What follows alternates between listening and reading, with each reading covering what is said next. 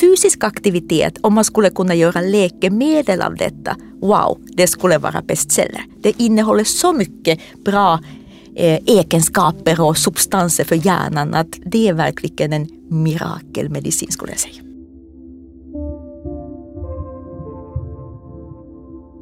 Jag har jobbat som journalist i över 40 år. Det är ett oerhört spännande och roligt jobb. Men också stressigt.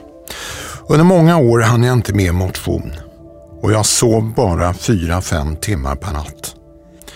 I en tid när alla pratar om hjärnhälsa så undrar jag vad min livsstil har för skuld i min sjukdom. Och kan jag göra något åt det idag? Jag heter Henrik Fränkel och jag fick påsken 2019 diagnosen lindrig minnesstörning med trolig utveckling till Alzheimer. Och jag vill med den här poddserien göra en upptäcktsfärd in i vår tids kanske mest ökända och stigmatiserade sjukdom. Och så vill jag såklart veta vad som ska hända med just mig. Jag ska träffa människor som kan hjälpa mig att förstå den sjukdom som drabbar 20 000 svenskar varje år. Som har funnits i över 100 år och som ingen överlever. Följ med mig in i Alzheimerland.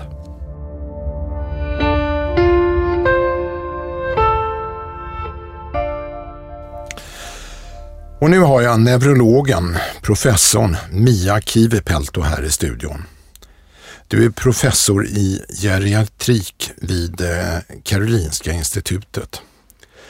Och Mia Kivipelto vinner stora framgångar i sin forskning där hon blandar in livsstilen i både uppkomsten av Alzheimer och även framtida bot. Välkommen Mia Kivipelto. Tack så mycket. Jag tycker det ska bli enormt spännande att samtala med dig eftersom jag funderat mycket på varför just jag har fått min diagnos. Eh, kan det ha att göra med hur jag har levt? Ja, vad säger du? Kan du kort svara ja eller nej? Det kan man inte säga så lätt på individnivå. Vi har forskning som visar att både genetik, ärftlighet, åldern och livsstilsfaktorerna spelar in. Så oftast är det samspel mellan olika faktorer. Okej. Okay. Jag ska gå in lite mer på hur jag har levt sen. Men du är alltså neurolog eh, och professor på Karolinska institutet. Men din forskning bedriver du på samma kognitiva mottagning där jag är patient. Hur ofta träffar du patienter? Jag träffar patienter lite då och då, men framförallt forskningspatienter. Det, nu har jag varit eller blivit eh, chef för forskning och utveckling på tema åldrande på Karolinska sjukhuset, så min roll har blivit mer och mer försöka samordna så att det blir så bra eh, klimat och infrastruktur som möjligt för, som, för, för liksom forskningen. Men du träffar Alzheimer-patienter? Ja, jag träffar även patienter. Hur reagerar patienter som får diagnosen Alzheimer?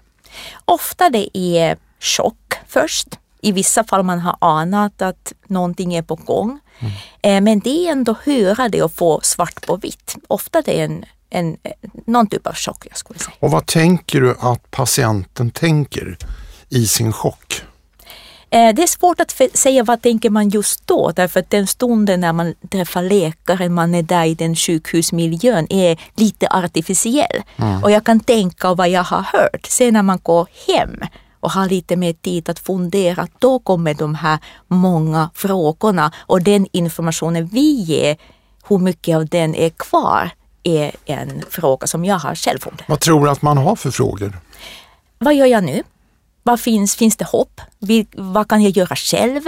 Vad får jag stöd? Jag kan tänka mig och jag har hört att det finns otroligt många frågor kvar efter diagnosen. Mm. En av de svåraste frågorna för mig när jag gick hem, det var hur ska jag kunna berätta det här mm. för mina barn? Ja. Och det är väl den och det är fortfarande, jag skulle säga ganska mycket stigma kring ja. diagnosen. Eh, allt som är kopplat med åldrande Mm. Eh, det här med hjärnan, det är lite mystisk organ, man tappar bort saker som är väldigt viktiga för oss. Så det är oro, rädsla, vad ska, hur ska jag berätta? Många frågor. Mm. Du lever ju så att säga i Alzheimers skugga. Vad skulle du själv känna om du fick diagnosen? Du måste ha tänkt på det någon Ja, gång. jag måste ha tänkt på det därför att jag, jobb, jag har jobbat över 20 år med Alzheimer. Ja. Jag har också i min familj, min farmor fick diagnosen Alzheimer när jag var i tonåren. Då var det inte så, det här med diagnostik var inte alls lika utvecklat. Det tog väldigt, väldigt många år innan hon fick diagnosen. Men jag har sett det från nära håll. Eh, och jag har också andra anhöriga. Så Men vad, ska, vad skulle du det. tänka på? Det? Vad skulle, hur skulle din reaktion vara om du själv gick till läkaren och fick diagnosen Alzheimer?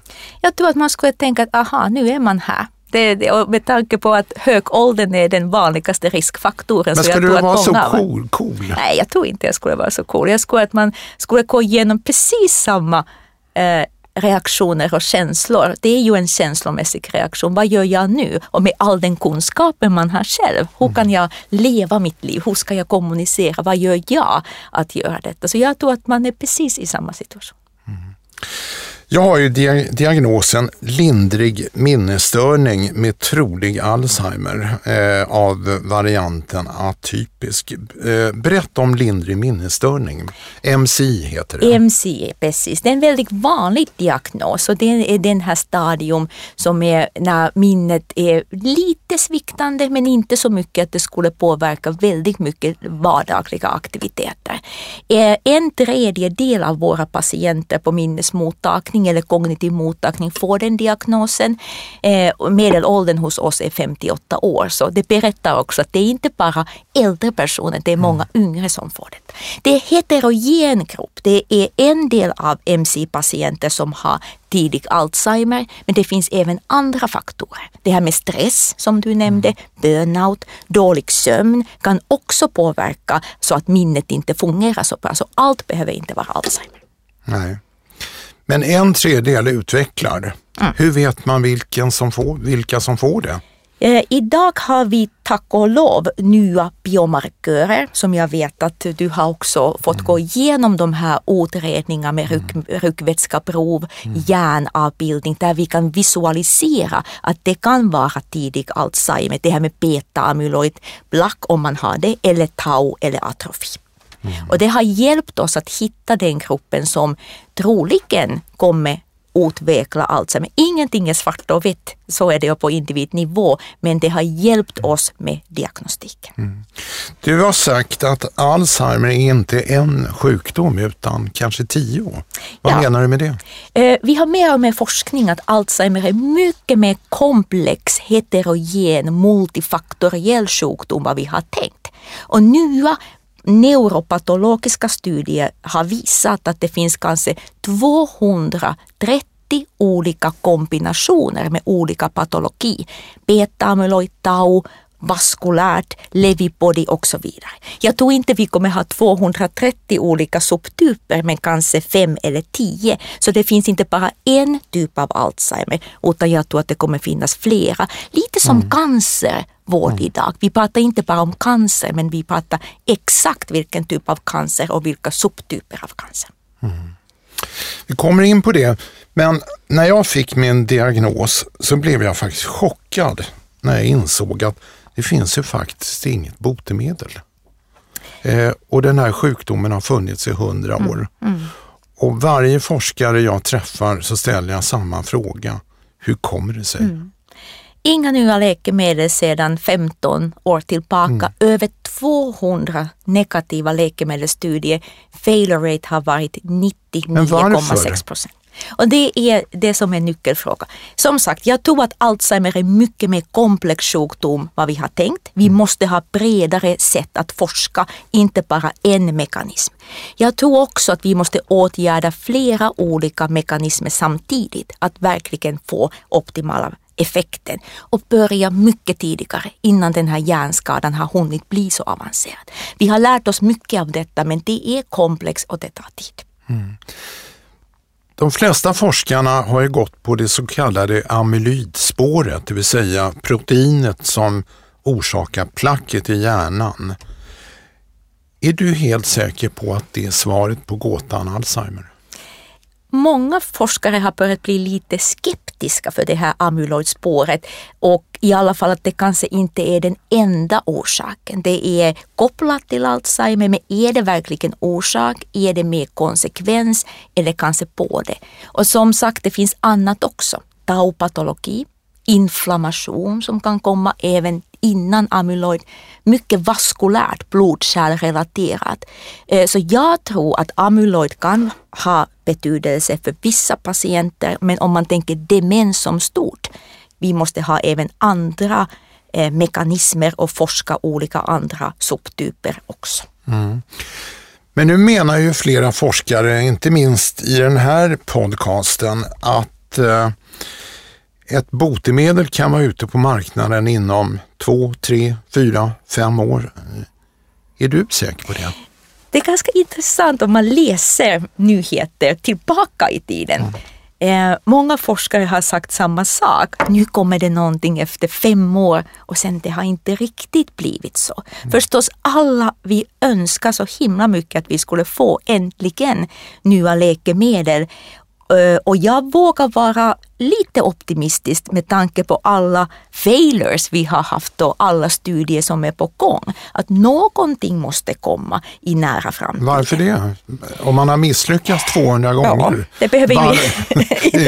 betyder, det betyder väl att man inte alls är i närheten? Nej, nej det kan ju, och mycket av det här beta-amyloidspåret har inte visat så mycket. Nu är det några läkemedel som vissa företag säger att det kan mm. vara någonting på gång. De har gått till FDA, USAs läkemedelsmyndighet. Kommer det att bli någonting eller inte är lite för tidigt att säga och till vilka patientgrupper det här läkemedlet skulle vara aktuellt vet vi inte heller. Det skulle vara väldigt bra om vi får något nytt på marknaden, mm. bara att stimulera forskningen framåt. Mm. Samtidigt tror jag att vi måste, som jag sa, forska andra mekanismer också så att vi, vi når dit. Mm. Vi ska komma in på ditt specialområde livsstil, men jag måste också fråga. När jag åkte hem den där dagen med, med min diagnos så började jag leta efter likasinnade, mm. sådana som mm. hade fått och jag hittade inga. Eh, och så tänkte jag att det är 20 000 personer som jag som får en sån här diagnos. Var är alla de? Och då är min fråga till dig, varför är den här sjukdomen så stigmatiserad? Mm. Och jag tror att det är delvis det här just att det kopplas så mycket med åldersrelaterade sjukdomar som är kanske lite skamligt. Vi har pratat om eh, senilitet och hjärnan som sagt styr allt vad vi gör. Det, våra tankar, känslor, allt vad vi kommunicerar. Det är ganska känsligt. Mm. På så något sätt man har inte kanske vågat eller viljat prata så mycket om sjukdomen. Mm. Eh, de som har fått diagnosen, deras röst har inte blivit hörd på samma sätt. Så jag måste säga Henrik, vad du gör är fantastiskt och kommer säkert ändra mycket det här sättet hur vi ser Alzheimer. Tack. Det ger mig kraft. Eh, det jag också tänker på, det är, som jag tänkte på när jag åkte hem, det var ju att jag blev helt lämnad ensam. Mm. Eh, jag har många eh, kamrater som har fått cancer. Mm. Och jag har pratat med dem och de har fått en vårdplan. Mm. Det är operation, det är, det är kemo, eh, det är strålning. Man blir omhändertagen. Ja. Jag fick ingenting. Vad tänker du om det? Det är intressant att jämföra sig just med cancervård som är mycket mer avancerat. Att man känner sig kanske tryggare på något sätt. Det finns en plan framåt mm. och man följs upp. Och jag håller med vad du säger. Vi har blivit bättre vad det gäller diagnostik. Mm. Du vet våran mottagning i Solna med snabbspår, fem dagars utredning. Jag är jätteglad att vi har nått dit och är bättre på att diagnostisera. Men jag håller med, vi, har, vi är inte lika bra än att ta hand om vad hände efter diagnosen.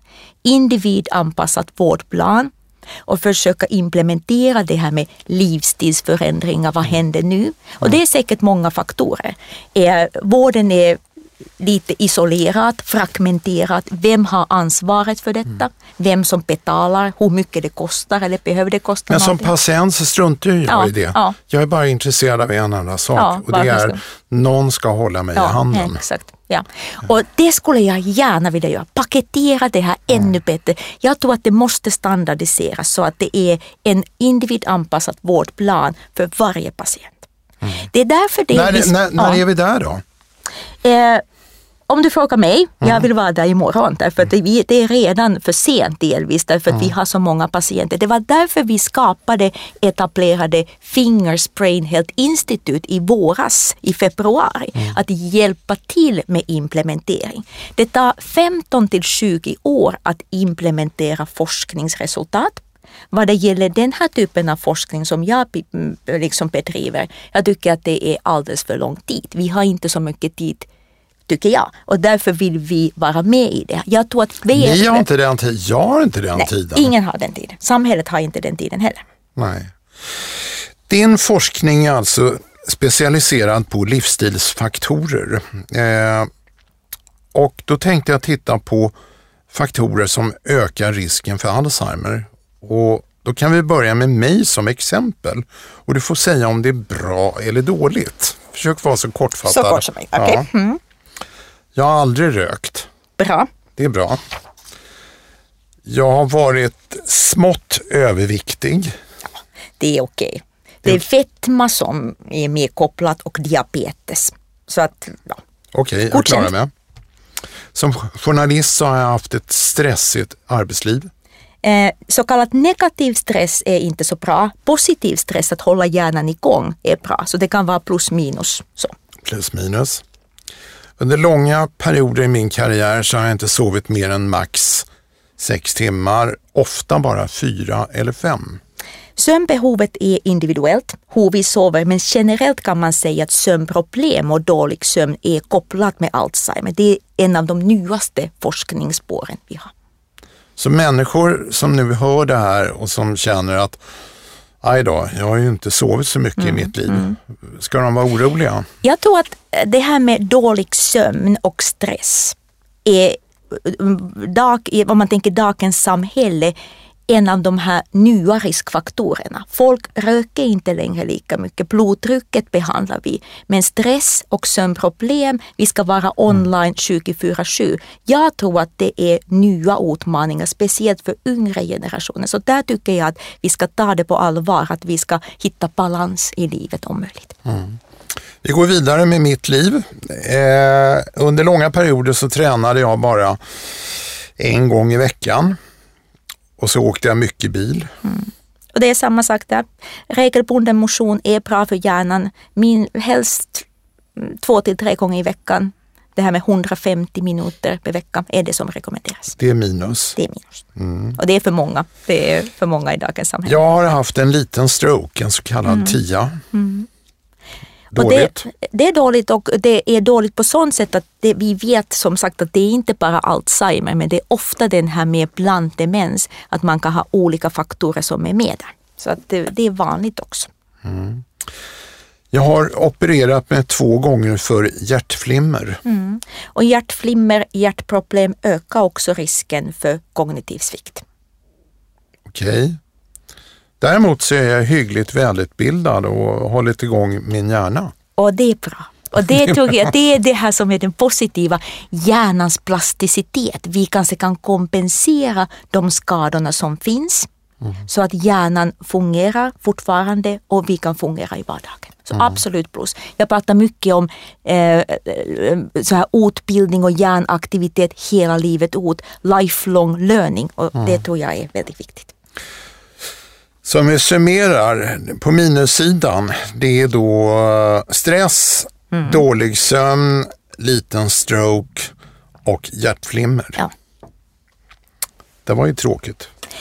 Det är både kan man säga tråkigt och positivt, för det är ändå faktorer man kan försöka påverka. Och även om jag pratar alltid om förebyggande, jag tycker allt är förebyggande. Vi kan alltid göra någonting. Så om man nu tänker om individuellt vårdplan, mm. det är säkert framför allt de här faktorerna man ska fokusera nu framåt. Mm.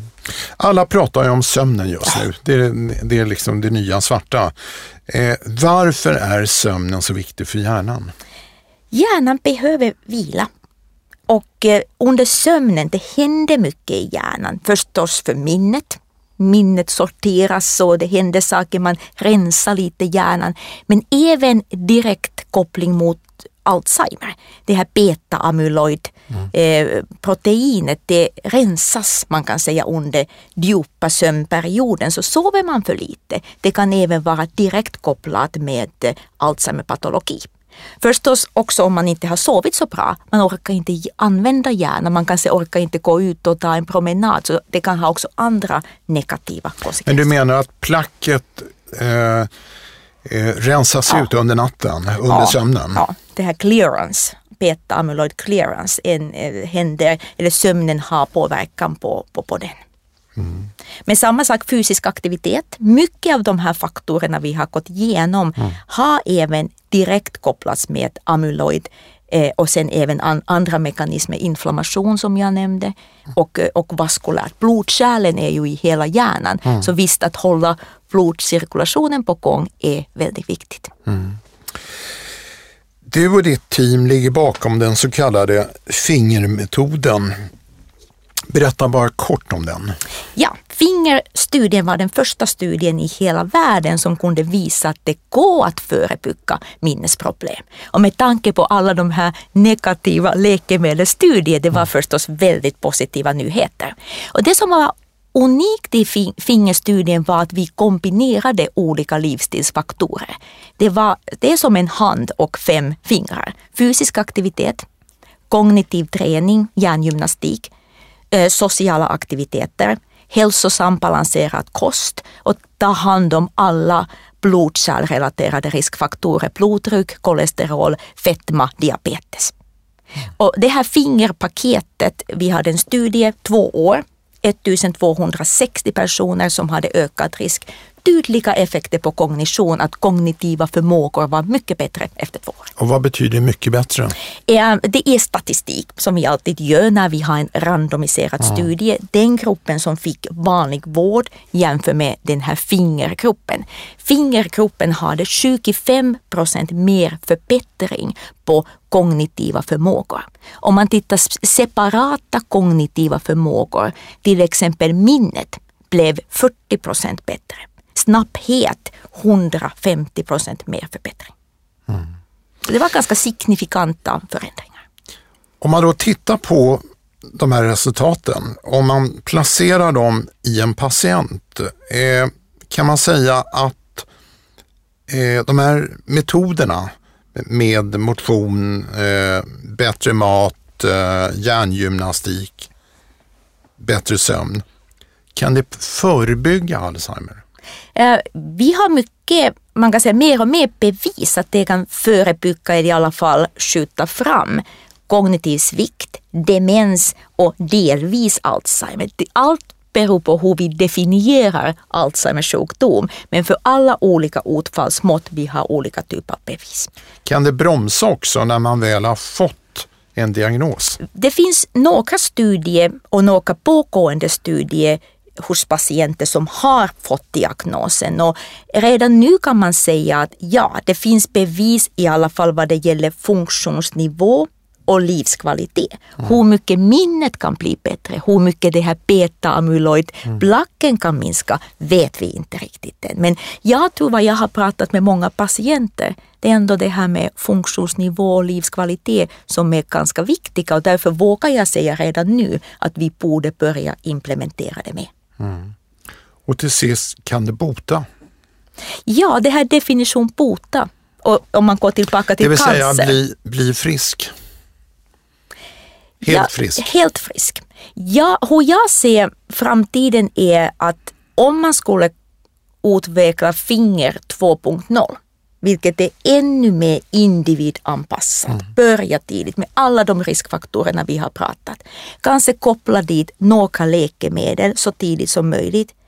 Behöver inte vara beta-amyloid-läkemedel, kanske kan vara diabetesläkemedel. Mm. Då tror jag att man skulle kunna skjuta fram det i alla fall så långt som möjligt. Om man kan samtidigt öka hjärnans kognitiv reserv, att hjärnan kan vara mer resistent mot beta-amyloid. Då kan vi vara så nära botemedel. Jag tror att det blir en cocktail. Vi blandar ihop olika saker. Man pratar idag om att man kan bygga upp en hjärnreserv. Ja. Vad är det? Eh, där kommer det här med, med kognitiv träning eller eh, arbetet som är stimulerande. Man helt enkelt mycket rikare nätverk i hjärnan. Hjärnans synapser och nätverk blir, blir rikare så att hjärnan kan kompensera och vara mer resistent mot olika skador som Alzheimerskadan. Så hjärnans plasticitet tycker jag är ett väldigt spännande forskningsområde och där tror jag allt det här med positiva livsstilsfaktorer, fysiskt, socialt, kognitivt har en stor betydelse. Mm.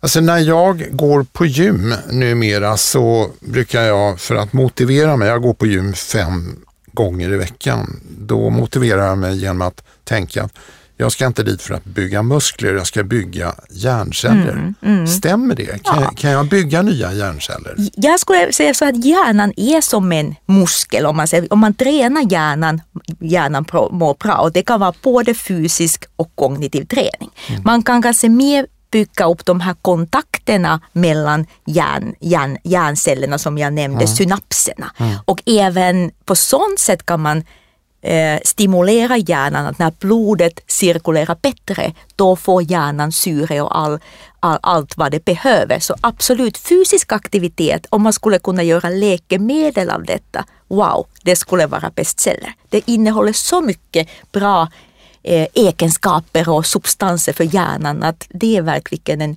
mirakelmedicin skulle jag säga. Men varför, när jag då får min diagnos, varför fick jag inte ett gymkort i handen? Ja, det, det är en bra fråga och dit borde vi, och som sagt standardisera det på ett bra sätt. Men jag nämnde det här MindAD-studien, mm. får jag säga någonting ja. om det? Därför att det var en av de första studierna vi nu gjorde efter finger. Min fråga var just det här vad du nu frågade från mig, vad händer om vi gör fingerpaketet för de som har fått Alzheimer-diagnosen? Mm. Och jag som forskare tänkte att vi måste ta fram forskning så att vi har evidensbaserat verktyg och vård. Och nu har vi testat det, vi är nästan färdiga med MindAD och resultaten hittills är väldigt positiva. Många har sagt att efter diagnos, man är ensam, precis vad du säger, mm. och det här fingerpaketet har gett till dem struktur, stöd, man får kompisar, man får träffa andra. Eh, när vi är färdiga med MindAD, jag hoppas att vi kan börja implementera detta på ett mer strukturerat sätt. Det är det som jag önskar. Mm. Men du sitter ju själv bara 50 meter ifrån där, eh, den mottagning som jag går till lite då och då, men jag ser inte skymten av den här vårdplanen där. Nej, inte riktigt att det är standardiserat. Nu läkarna kan ge nå lite stöd och lite information, men vi borde nå dit att det är standardiserat och paketerat och lite mer implementering. Vi har nu en annan implementeringsprojekt på gång som heter Stronger. Så vi går från finger till stronger och där precis vi försöker ta fram en standardiserat paket så att alla kan ge samma information och samma stöd. Otroligt, otroligt viktigt. Det har inte varit lika lätt att få finansiering till den här typen av ja, lite mjukare forskning kanske, men jag tror att det här multidisciplinära teamet och information är otroligt viktigt. Därför det jag tycker eh, och som, jag, som egentligen eh, mitt mantra det är att vården fungerar väldigt bra fram till dess att mm. man har fått diagnosen. Då, då är alla superprofessionella. Sen funkar äh. så, så, sen, händer ingenting. Nej. Och som jag nämnde det här Fingers Brain Health Institute, ett ja. syfte var just att vi behöver olika, infra, olika typer av stakeholders som hjälper till att få helheten att fungera. Så det är absolut vårt syfte att försöka få helheten att fungera. Mm. Jag har under de senaste månaderna sedan jag gick ut och berättade om min diagnos fått högar av mejl. Mm. Eh, bara under de senaste veckorna så har jag fått över 300 mejl. Och de flesta de har då, människor har läst om mig i media. Hälften av alla handlar om kosttillskott. Mm. Eh, vilka tillskott tycker du att jag ska ta? Det är en bra fråga. Eh, där vad vi har bästa vetenskaplig bevis är hälsosam, balanserad mat. Nordisk kost eller medelhavskost. Det finns inte mycket bevis att några tillskott eller vitaminer kan skydda. Om man går till WHOs rekommendationer, de rekommenderar faktiskt mot tillskott. Varför det? Därför att det finns ingen bevis. Men kan det vara kontraproduktivt? Kan det skada ja. min uh, det, utveckling? Det är precis där att om man tar höga doser av olika vitaminer utan att man är medveten om möjliga risker. Det finns tyvärr risk för biverkningar och därför vi har tagit det här steget att det är hälsosam balanserad kost men inte så mycket och det kan även vara kontraproduktivt om man tar höga doser. Det enda är vad jag kan rekommendera vitamin D. Vi lever i mörkret mm. i, i, i, i, nordiska länder. Vi har inte så mycket sol. Så vitamin D är bra, inte specifikt mot Alzheimer men nordiska närings, näringsrekommendationer rekommenderar vitamin D. Eh, multivitamin rekommenderar vi ibland för vissa äldre som inte äter mångsidigt men det är ungefär. Vi har forskat olika näringsprodukter specifikt mot Alzheimer mm. och det är en annan sak. Där finns det till exempel bevis eh, att, eh, att Suvenate vi har testat som är specifikt utvecklat för Alzheimer men då är det verkligen den indikationen. Men då ska jag ta något, några saker som jag använder. Mm. Så får vi se om jag ska kasta det efteråt. Kokosolja. Det forskar vi just nu. Just därför att det finns några intressanta case studies som visar att det kan ha positiva effekter men inga bra eh, längre studier. Så vi är just nu på väg att börja en studie att eh, se hur, det, hur den fungerar. Så om jag får återkomma om ett eller två år så då kan jag, då kan jag berätta mer. Jag vet inte om jag kan vänta så länge. Gurkmeja? Eh, antiinflammatorisk, antioxidant, men det finns inte starkt bevis att ensam gurkmeja kan skydda. B12 folsyra? B12 är väldigt viktigt för hjärnan. Om man äter mångsidigt mat, kost, då behöver man ofta inte ha det. Med åldern, kroppens förmåga att ta B12-vitamin från kosten minskar, mm. så i vissa fall det kan vara bra. Det, det, kan, det kan man mäta också om man vill veta svaret. Chlorella-alger? Inte mycket bevis. Sen, eh, jag har en burk där det står DMAE, jag har fått det från min sambo. Mm. Vad är det för något? det, det, vet jag inte. Det, okay. det, får vi läsa närmare. ja, ja, jag kanske ska kolla vad det är för någonting. Du har sagt att personer med Alzheimer i generna påverkas extra positivt av förbättrad livsstil. Innebär det att alla eh, bör gentesta sig först? Fingerstudien visade att de som hade genetisk sårbarhet, ApoE4, som är den vanligaste riskgenen, fick väldigt tydlig nytta av den här interventionen.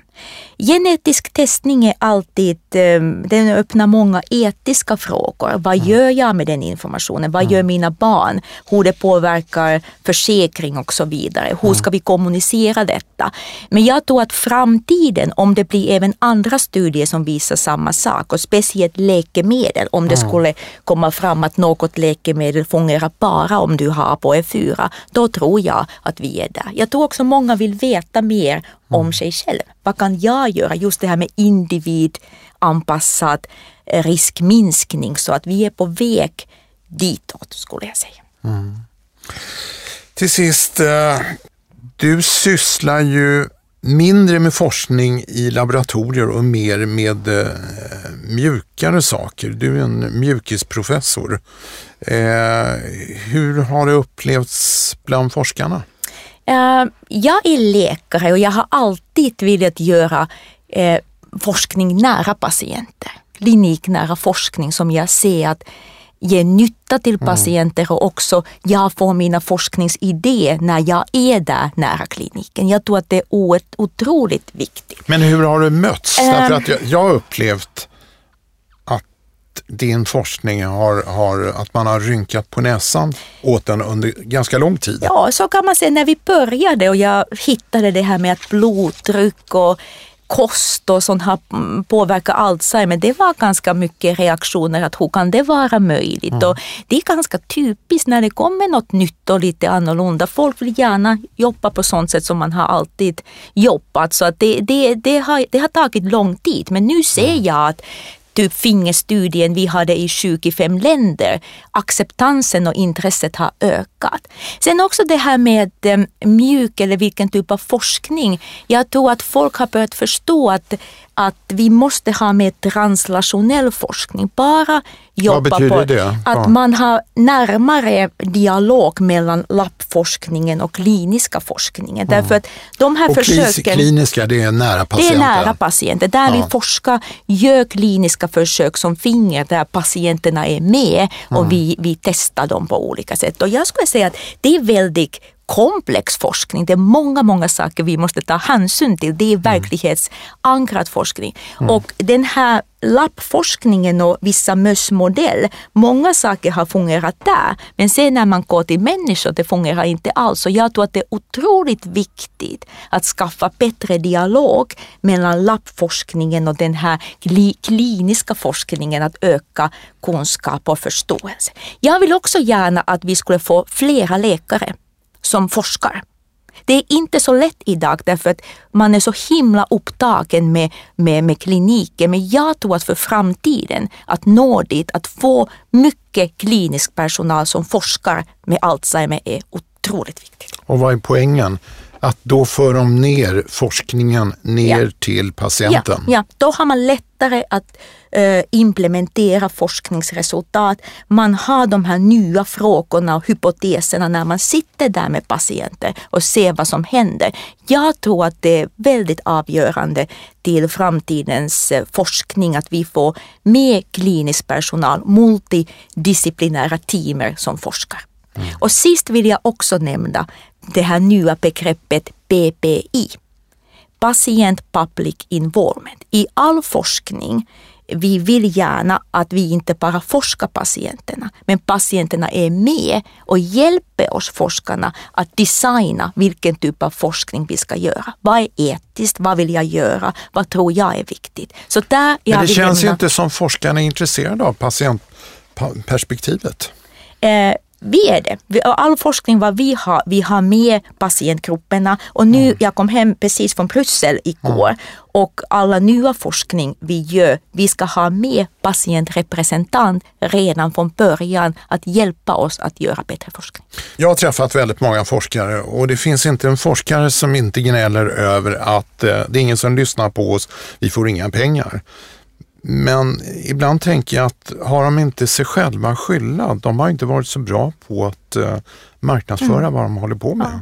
Jag tror vi måste kommunicera, vi måste bli bättre att kommunicera vad vi gör och ha den här verklighetsförankringen som mm. jag nämnde. Och därför igen vad jag sa, det vad vi försöker bygga nu är bättre dialog. Forskningen har blivit mer isolerad tyvärr. Mm. Att den är inte så nära kliniken som i skolan. Nu är vi nära varandra i alla fall. Min forskargrupp och kognitiva mm. mottagning. Så vi gör det vad vi kan att försöka få dem över och tillsammans så mycket som möjligt. Mm. Till sist. Eh, jag tränar fem dagar i veckan. Jag äter fisk nästan varje dag. Jag lever i sociala sammanhang och jag använder hjärnan inte minst nu när jag pratar med dig. Kan du lova att jag har ökat mina chanser att undvika demens? Jag kan lova att du har gjort allt vad du kan att minska risken och, och ha bra funktionsnivå så långt som möjligt. Och, eh, jag tycker den här cocktailen som nu, du nu beskrev är mm. väldigt, väldigt bra. Jag hoppas att, att det också ger motivation och glädje att gå framåt. Därför det är viktigt också att vi har meningsfulla saker att göra. Det är det som hjärnan gillar, att man hittar glädje och, och meningsfulla aktiviteter.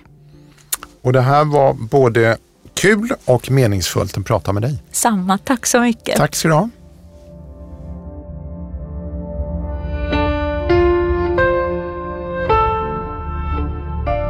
Bloggen och podcasten Hjälp jag har Alzheimer har också en insamling till förmån för forskning kring kognitiva sjukdomar.